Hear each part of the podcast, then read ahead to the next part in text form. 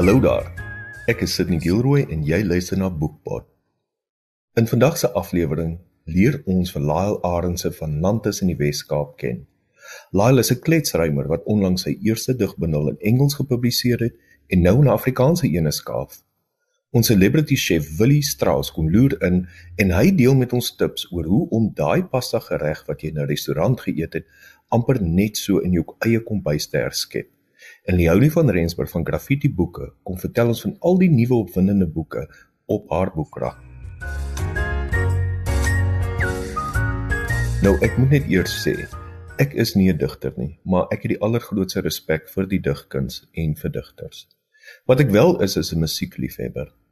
En ek glo dat alle goeie liriekskrywers eintlik maar digters in hulle harte is. En nou praat ek van mense soos John Lennon, Leonard Cohen, Joni Mitchell, Bob Dylan, Bruce Springsteen en selfs Tupac Shakur. Dit was dus vir my lekker geweest toe ek 'n rapper van Nantes in die Wes-Kaap ontmoet en hy my vertel dat hy het gegaan van kletsrymerliedjies na gedigte. Ek het vir Lyle Arendse gevra, "Hoe het dit dan nou gekom dat jy gegaan het van 'n rapper na 'n poet?" As 'n jong man op die laerskool, sal ek sê, het ek baie gehou van woorde. En ek was baie um gerig aan hoe woorde gevorm word soos byvoorbeeld uh ek sal hoe by, byvoorbeeld met 'n uh, dieper mening probeer verstaan byvoorbeeld as hulle vir my sê miskien is God los en dink ek okay God los sonder God byvoorbeeld soos ek het altyd te woord. So probeer um, sien. En dan fast forward in graad 9 op die hoërskool is dit waar ek um 'n rymkletsgroepie begin het met my vriende. En dis waar ek agtergekom het dat ek kan skryf soos 'n uh, tipe van 'n dig en soms het ek gedigte geskryf wat nou nie gepas het by die rep uh iets is byvoorbeeld die en dis hoe ek dit geonderskei het byvoorbeeld van die rep sien of van dit was vir my basies persoonlik want ek het nie altyd gehou om my gedagtes sommer so met enige iemand te deel. Dit was baie intiem en um ek was nog 'n bietjie beskermend teenoor want soos ek almal altyd sê dit dit voel basies om naken voor mense te staan en ek was nog nie gereed om so te expose op te vlek. Nou Lyle, jy het groot geword in 'n area wat histories dit nie breed het nie die buitewyke van Grootbrak, Nantes, Wolwedans, Ottersgat is nie ryk mense wat daar bly nie. Wat my altyd opval van daai areas is dat rapmusiek is 'n groot ding daar. Mense hou van rapmusiek. Was rapmusiek juis gewees waar jy wou, wou begin het met jou skryfwerk?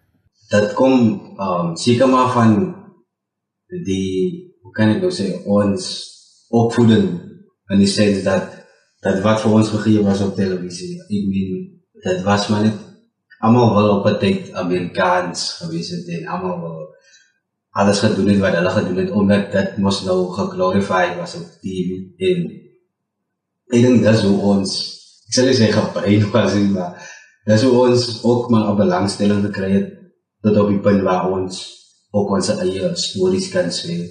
En jy vat hoe hierdie rapmusiek waarvoor jy lief is en hierdie bewuswording dat jy goed is met woorde en jy gaan skryf 'n klomp gedigte en daar word toe 'n digbundel aanspoken deur jou gepubliseer. My groot vraag natuurlik is, hoekom toe in Engels laat?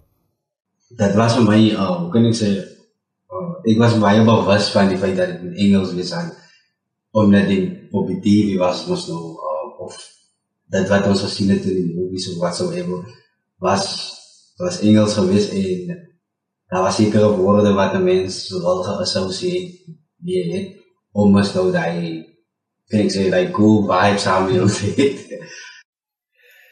Hierdie agtergrond van rapmusiek en hierdie teelaarde van waarvandaan jou digkuns kom kan sommige mense nogal afskrik en ek sê gewoonlik vir mense jy weet of dit nou 'n rap liedjie of 'n country liedjie of 'n digbundel is dis die blerry selfde ding dis 'n speling met woorde Wil jy nie net bietjie vir mense vertel van hoe rapmusiek jou as digter gevorm het nie?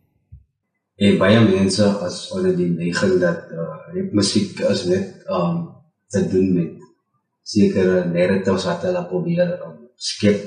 Byvoorbeeld soos die televisie wat nou wys van hoe hulle dans, die vrou mense en die mans wat miskien die gejaag gooi of hulle glorify um design labels en al die tipe van dinge.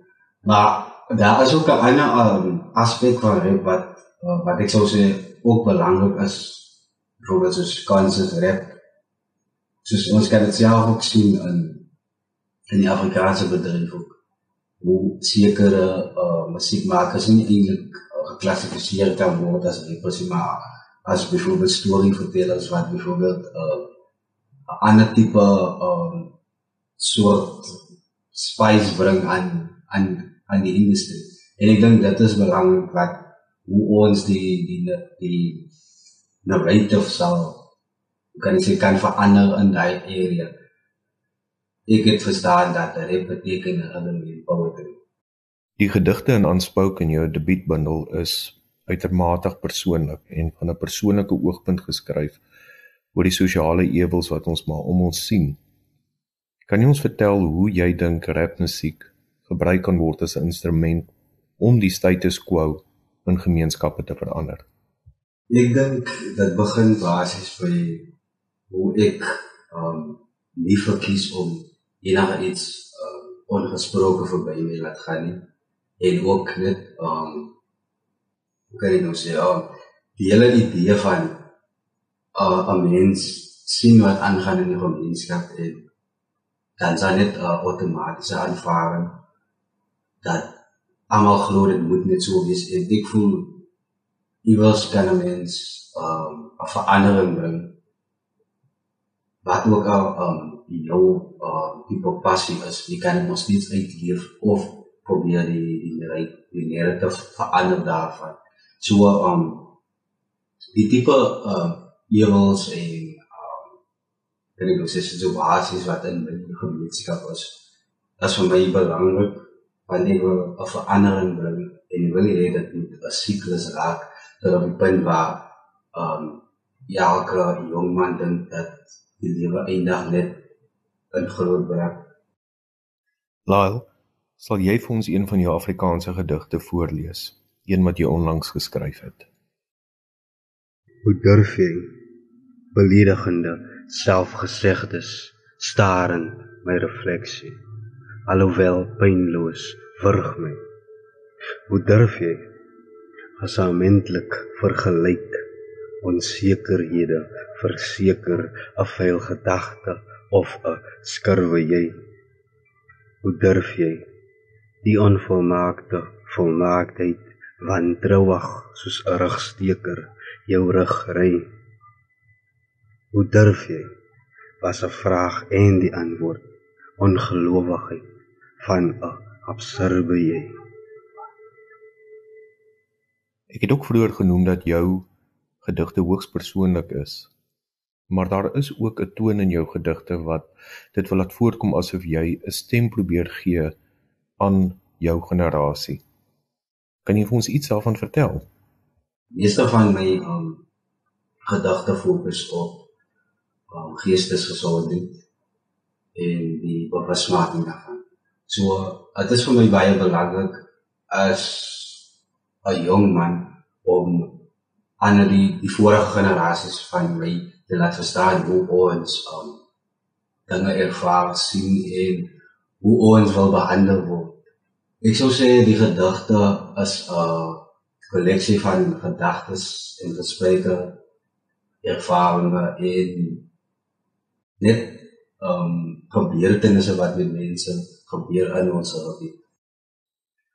Na jou eerste digbundel verander jy rad en jy skryf nou in Afrikaans. Waar het hierdie voorliefde vir Afrikaans vandaan gekom? Besides the obvious fact that dit jou huistaal is. Ek het altyd 'n liefde vir albei taal gehad. Selfs op skool kon ek uh, studeer in Afrikaans en Engels ook self die liefde vir Afrikaans was basies hoe ek um tot besefing gekom het hoe ek sal sê hoe Afrikaans in gevaar was. Op 'n tyd waar uh, mense Afrikaans wou uitgeroei en ek meen ek het gesit en dink op 'n tyd dat dit is actually my taal en dis die taal waarmee groot geword het.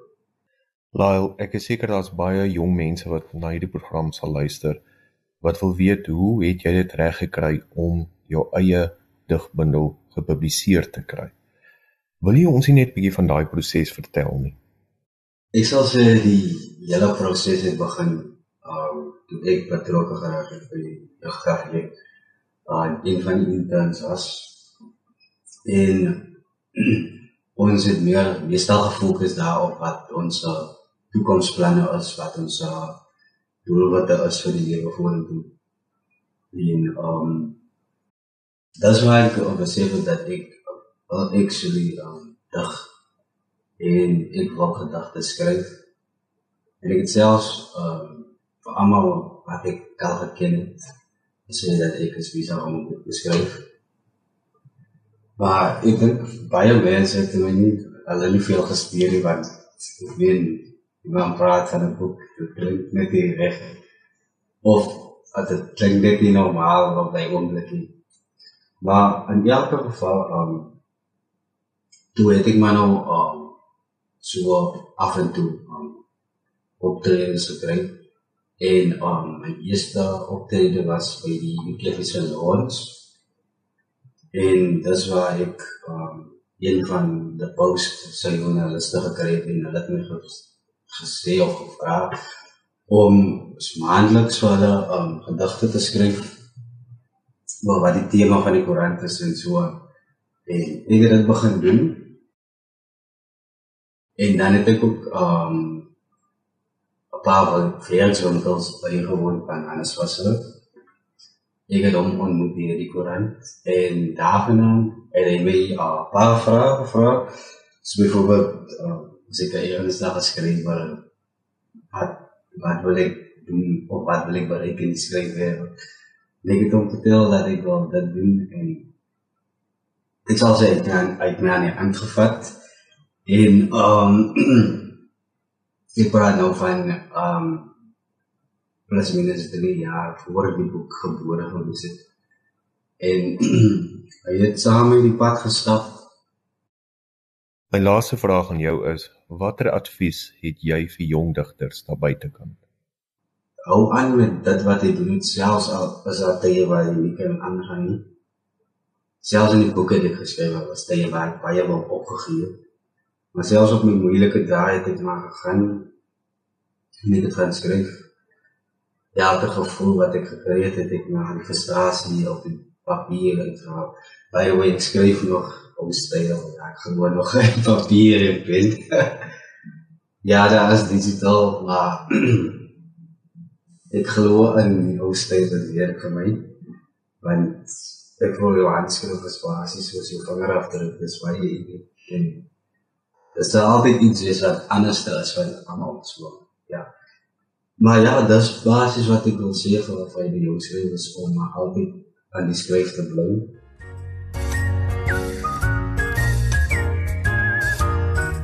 Na ons onderhoud het ek vir Lyle gevra wat doen hy en sy wederhelfte om te ontspan. Hy het vir my gesê baie min gaan eet hulle uit en dan as hulle gaan uit eet, kies hulle altyd die pasta geregte op die spyskaart.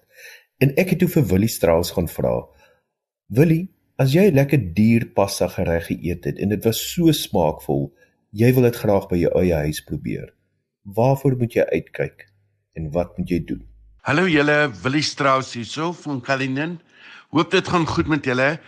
Ek is ook een van daai mense as ek na 'n restaurant toe gaan en ek eet 'n gereg wat baie lekker is. As ek by die huis kom, is ek besig om daar resepte Google want ek wil dit weer maak en ek wil dit weer eet. Ek wil selfs teruggaan na die restaurant toe om dit weer te gaan eet om seker te maak wat daar aangaan en ek gaan ek is, skryf selfs die naam neer om dit presies te gaan Google. Um lekker pasta is kook dit volgens die pakkie is. Kies jou pasta wat vir jou lekker is daar's soveel verskillende brands sal ek net maar sê. En ja, pasta is nie pasta is nie pasta nie. Dis definitief verskillend. Ehm um, ek het spesifiek is wat ek net koop omdat dit vir my lekkerder is as die ander. Ehm um, as ek pasta lekker romerig wil hê, dan sit ek roomkaas in. So ek maak my witsous. Ek hou daarvan om by my witsous so um 1 of 2 ekstra eiergele in te sit. Dit maak my my um witsous lekker romerig of ek sit roomkaas by. Roer dit in, dit maak dit heerlik romerig. En byvoorbeeld as jy lasagne maak, tussen jou um vleis sit ek sulke lepels vol roomkaas by en dan die wit sous bo-oor. Ek sal dan nou nie roomkaas in uh, um weet in die in die in die sous ook sit nie, dan gaan nou 'n bietjie erg wees. Maar sit lepels vol roomkaas so tussen die die, die vleis in en dan sit jy jou um jou wit sous bo-oor. Dit maak dit verskriklik um lekker romerig. Um dit maak dit ryk en dit maak dit lekker. En dan jong ietsie wat ek maar altyd is is tannie Ina se ehm um, speserye. Tannie Ina se speserye is die beste wat jy kan kry. Ehm um, sit dit by ehm um, in alles wat jy doen veral vir pasta sy het 'n heerlike pasta ene en dan haar haar ehm um, uh speserye met met met knoffel is net so lekker. Ek kan julle lekker kook. Ons praat weer. Bye. Ek gaan nou groet. Maar voordat ek dit doen, gaan Leonie van Rensburg van Graffiti Boeke ons eerstens vertel van die nuwe opwindende boeke wat nou te koop is. En onthou tog in die volgende aflewering gesels ons met 'n diaan van Afrikaanse romanses, spanningsverhale en historiese romans. Kom luister gerig saam hoe Bet Smith van haar diepste geheime met ons deel.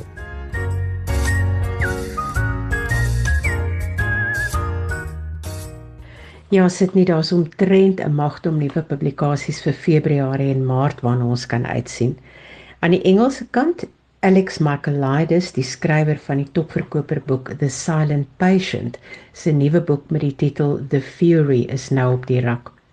Dan vir die aanhangers van die Crescent City reeks van Sarah J Maas is daar ook 'n nuwe boek wat sopas vrygestel is en die titel daarvan is House of Flame and Shadow. En dan deur Kristen Hanna is daar 'n nuwe boek met die titel The Women en hy sal so binne die volgende 3-4 dae op die rak wees. Dan is daar ook 'n rits nuwe Afrikaanse boeke op pad. Twa die tydloper deur Anushka von Meck Phoebe 'n lewe saam met Jake Scherwel deur Rachel Greef en dan Bloedsomer deur die nimmerlike Sydney Gilroy waarna ek seker ons almal uitsien en dan Hemel en Aarde en ons deur Zirk van 'n Berg en dan Donkertyd my naam is Tina deur Mario Leroux wat ongelukkig en baie hartseer in November oorlede is. En dit is maar net 'n paar van die nuwe boeke wat op pad is um, maar hou gerus die pers dop vir vir nog nuwe vrystellings